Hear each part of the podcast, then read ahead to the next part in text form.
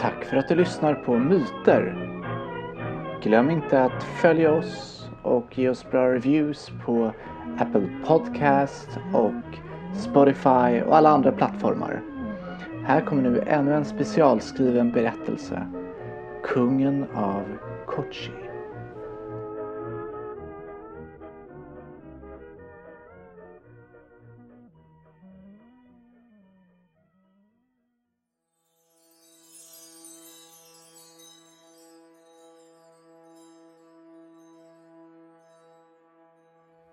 Det var som att landet befolkades av pyromaner. Så fort mörkret föll, vare sig det var mitt i Mumbai eller långt ute i skogen, tändes eldar varifrån rök spreds över omgivningarna. Vad som brändes spelade mindre roll. Oftast var det sopor då landet saknade all form av centraliserad sophämtning. Men inte sällan kunde man också se bildäck brinna, påtända som för blotta nöjets skull. Den plågade lukten, som att avgaserna från dagens alla primitiva motorfordon inte var nog, trängde in överallt och gjorde det svårt att andas.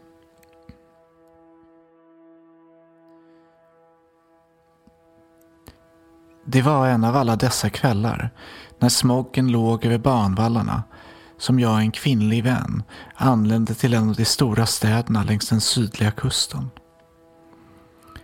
Vi hade färdats hela dagen, väntat på en busstation från de tidiga morgontimmarna fram till lunch. Trötta släpade vi nu ut vårt bagage mot gatan i jakt på en tuk-tuk.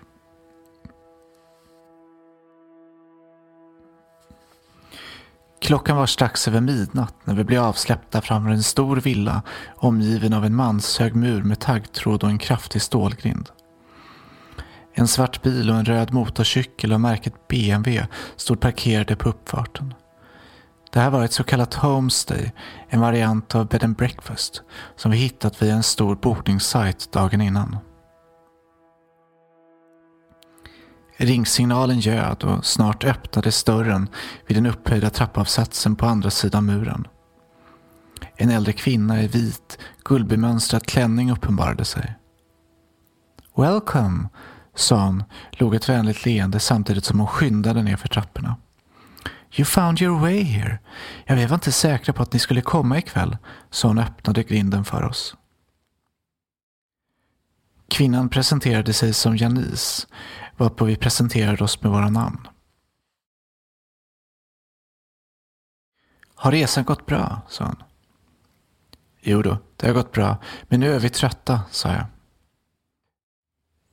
Janice var precis i färd med att lämna över nycklarna med instruktion om våning och rumsnummer samt att frukosten serverades mellan 07.00 och 10.00 då jag anade steg och en tung andning bakom mig. Min vän och Janice vred sina huvuden mot toppen av trappavsatsen och jag vände mig också om.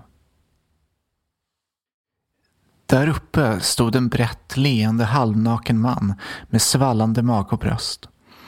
Endast ett par tunna shorts dolde hans privata delar. Han sträckte nu ut på sig den varma natten varpå en stor klackring i guld blänkte till på det ena fingret. Jag nickade mot honom. Ni är lyckligt lottade, sa han. Vi har så många gäster som vill bo här och eftersom klockan är efter tolv så var vi precis på väg att ge ett rum till några andra. But you were lucky. Han började sakta gå ner mot oss. Kände liksom efter mot trappstegen innan han lyfte varje fot. Som att han kände att han ägde stunden. Att han hade oss, publikens odelade uppmärksamhet. Halvvägs ned stannade han sedan upp och tittade förnöjt på oss. Jag heter Vad mannen heter spelar ingen roll, men vi kan kalla honom Rupert. Jag skulle lika gärna kunna kalla honom någonting annat. Det viktiga är att namnet kan tänkas tillhöra en man i den övre medelåldern. Ett namn som tillhör en person med en viss lokal makt och som är delvis aktad. Men samtidigt får inte namnet föra tankarna till en hjälte eller en härförare eller en briljant vetenskapsman. För personen framför mig, där uppe på trappavsatsen, var det ingetdera. Istället var han trots sin höga ålder, sitt gråa hår och sin lätt skrynkliga hy varken mer eller mindre än en tonårig pojke. Ett barn. Kära Rupert, lika rastlös som omogen, uppassad och fast i sin kategori. Du känner nog också en Rupert, en sån där man som... Äh, nu går jag händelserna i förväg. Så det är ditt hus, sa jag. Rupert fann sig till rätta, lutade sig mot det rustika räcket i vit marmorliknande sten. Vi har bott här i elva år, sa han och log. Jag, min fru och våra barn. Han blickade upp mot taknocken på den stora villan, tog en uttrycksmässig ansats, som att han nu skulle berätta någonting speciellt och ytterst viktigt. När jag köpte det här huset var det inte mer än ett ruckel. Men jag renoverade allt själv.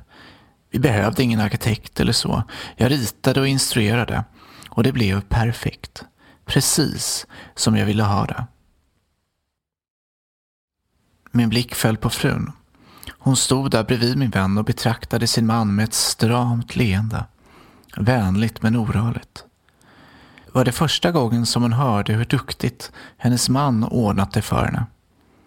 Knappast, tänkte jag tyst för mig själv. Därefter fortsatte Rupert att berätta om sina insatser under byggnadens konstruktion, hur detaljer och material noggrant valts ut för att fylla sina precisa funktioner. Och det fortsatte bra mycket längre än tio minuter innan jag en andningspaus tog tillfället i akt. Vi borde nog gå och sova nu. Vi är trötta, har rest hela dagen. Men låt oss prata mer imorgon. Rupert vaknade upp ur sin egen berättelse. That is okay. My wife will show you to your room. Good night, sa han kort. Vad Rupert hade för utbildning eller var han kom ifrån lyckades jag aldrig ta reda på under vår vistelse. Men om jag skulle gissa hade han växt upp under tämligen privilegierade förhållanden. Och eftersom området där den stora villan låg en gång anlagts av portugiserna som den första europeiska kolonin i Indien såg jag det inte som otroligt att det också var hans ursprung. Att han kom från en kulturellt bildad miljö hade jag dock svårt att tänka mig. Om jag mot förmodan smugit mig in i han och hans frus sovrum hade jag med stor sannolikhet funnit amerikanska kioskromaner på nattduksbordet. Sådana som handlade om våld och kärlek och i vilka starka män lyckades med oerhörda bedrifter. Kanske hade han en utbildning inom ekonomi eller handel. Men allt är såklart bara mina gissningar.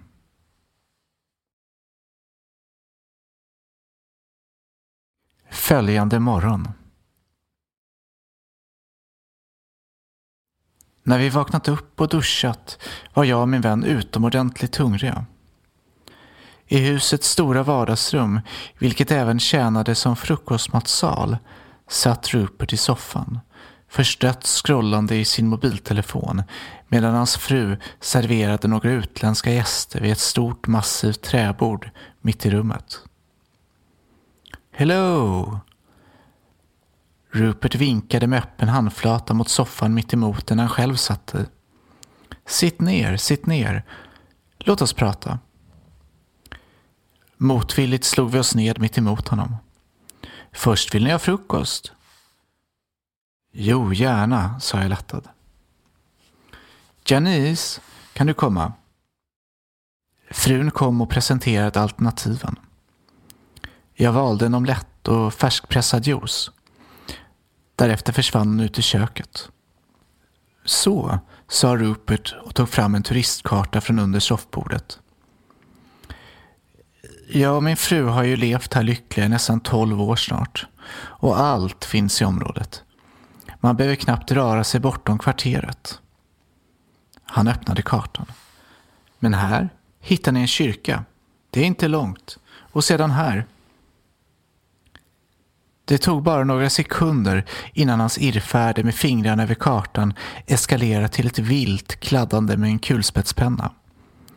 Pilar och siffror huller om buller och ett närmast maniskt rabblande av sevärdheter och platser. Eftersom frukosten ju var under tillagning så var det bara att spela med, tänkte jag. Hur kom man enklast till stadens centrum? Rupert stannade upp för en kort stund, lade pannan i djupa veck. Ah, just det, sa han till sist. Vi kunde såklart ta en taxi hela vägen, vilket skulle kosta ungefär 300 rupi. Men han stannade upp igen, funderade en kort stund, varpå ett leende till sist spred sig över hans ansikte. Han började rita ett par stora pilar, skrev tydligt ifyllda siffror. Sedan räknade han samman allt, högt och tydligt, utan att missa en endaste stavelse. Vi kunde spara 40 rupi om vi först tog en taxi, sedan färja över kanalen och därifrån en buss. Hans stolthet gick inte att ta miste på och han intygade oss än en gång att han verkligen kände till området och staden som på sina fem fingrar.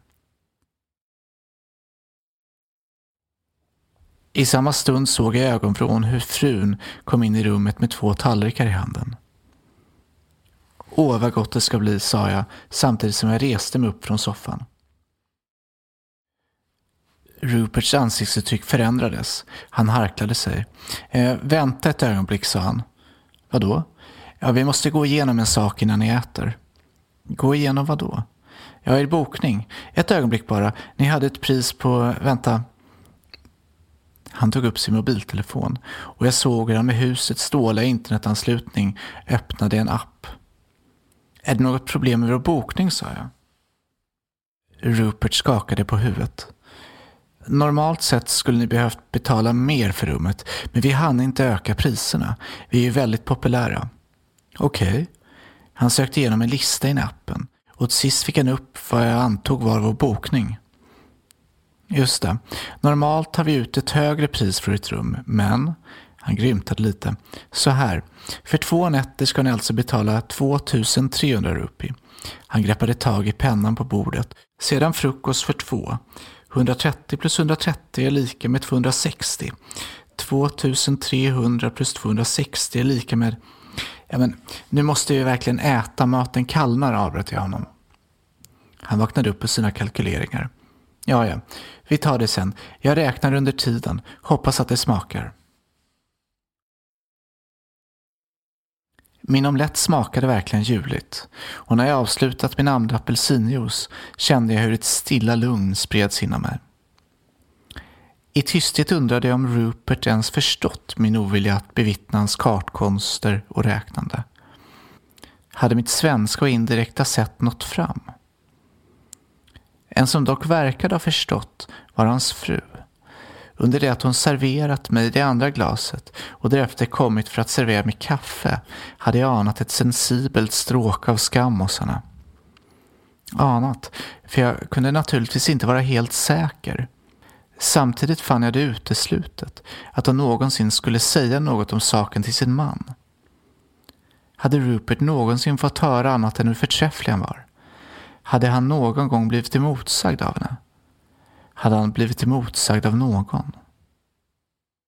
Längre bort i rummet hade jag iakttagit en städerska som var i full färd med att damma av ett vitrinskåp. När den var klar började hon gå i riktning mot köket. Rupert, som i det här laget hade räknat klart och återgått till sitt scrollande i soffan, tittade upp och ropade något åt henne varpå hon log mekaniskt tillbaka. Var det möjligen en sån där allmän order utan någon annan funktion att berätta för alla vem som var herre i huset? För oss? Mycket troligt. Alla dessa simpla mekanismer sprungna ur självöverskattning, tänkte jag. De som i grunden är en reaktion på det undermedvetnas vetskap om de egna begränsningarna. Lättirritabiliteten, förtryckandet och kritiserandet av omgivningen som en daglig ritual för att övertyga det övermedvetna om sin tillräcklighet det ständiga räknandet och siffrorna som ett sätt att skapa ordning. För varje kalkyl, för varje ett plus ett är lika med två, fick han bekräftat för sig, inte bara att han kunde räkna, utan att han i en större mening hade rätt. Att han var på väg i livet, i rätt riktning. Att han hade ett värde. Rupert satt så sysslolös under hela vår frukost och efter kaffet var det dags för mig och min vän att ge oss av för att utforska staden. Vi tackade frun för maten och resas upp. På väg att passera soffan nickade jag försiktigt mot Rupert som tittade upp från sin mobiltelefon. Jag skulle behöva pengarna för rummet nu, sa han hastigt. Jag stannade upp. Nu? Ja, nu. Men vi har dem inte. Vi har inte varit ute än och inte kunnat besöka en bankomat. Vi kommer ju godnatt och ni tar inte kort trots att det står att ni gör det på er hemsida. Vi checkar ju ut först imorgon och ni har ju våra pass. Ja, men det skulle vara... Ja, men oroa dig inte. Du ska få dina pengar, sa jag vänligt men bestämt. Han funderade en kort stund. Okej, okay. senare idag funkar också. Han tog en paus. Och glöm inte kartan, sa han och lyfte den från soffbordet.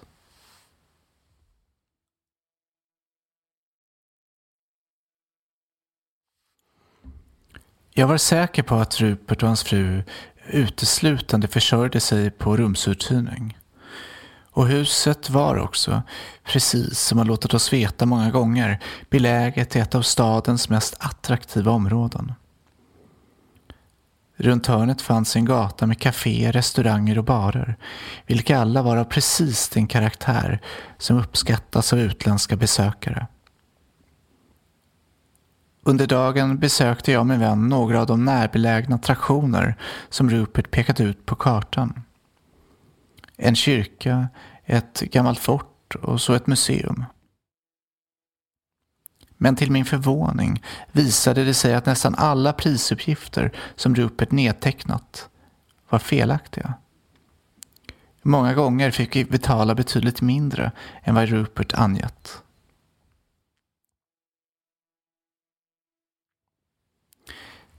Det var tidig kväll då vi åter svängde in på gatan där den stora villan låg. Det första som möttes oss var en tjock svart rök som låg över gränden. Framför en låg plåttunna anade vi genom dimmorna Rupert. Han stod där och talade med en ung man med en ryggsäck bredvid honom på marken. Den unge mannen lyssnade på Rupert och de bådas blickar var riktade mot en karta som han höll i handen. I den andra anade jag en penna. När vi var ungefär tio meter från dem tittade Rupert upp. Och eftersom jag redan visste vad han skulle fråga hade jag redan i förväg stuckit handen i min ficka och tagit fram pengarna. När vi kommit fram lämnade jag över bunten med sedlar till Rupert och han räknade dem noggrant och såg därefter mycket nöjd ut där han stod med puster av svart rök dansande omkring honom. Så var resan efter detta, sa han. Ni stannar ju en natt till, men sen, imorgon. Ni ska inte stanna över jul också, fortsatte han. Nej, vi ska vidare. Vi reser söderut, till Varkala heter det. Rupert fick då ett förskräckt uttryck. Varkala? Ja, men dit kan ni inte åka. En storm förstörde hela området för några dagar sedan. Förstörde, sa jag. Ja, visst. En hel klippvägg rasade i havet. Alla stränder är förstörda. Det är farligt där nere nu. Det har jag inte hört någonting om, inte läst heller, sa jag. Även turisten bredvid Rupert reagerade på hans kraftfulla ord om området som vi skulle till. Det tyckte sig nog lika orimligt för honom som för mig att ett helt område i Indien blivit förstört på det sätt han menade. Det är säkrast att ni stannar här. Vi fick just ett återbud så det är inga problem, sa Rupert faderligt. Min kvinnliga reskamrat vände sig mot mig. Men vi ska inte ta och stanna då, det kanske är säkrast, sa han. I den stunden slog det slint för mig. Som en råtta som trängts in i ett hörn och insett att enda möjligheten att lägga en väg ut med livet i behåll var att gå till brutal attack reagerade jag instinktivt. En enorm ilska och irritation övermannade mig och slog ut min självkontroll. Blodet rusade i ilfart mot huvudet. Tyst, skrek jag till min kvinnliga reskamrat. Det är jag som sköter det här.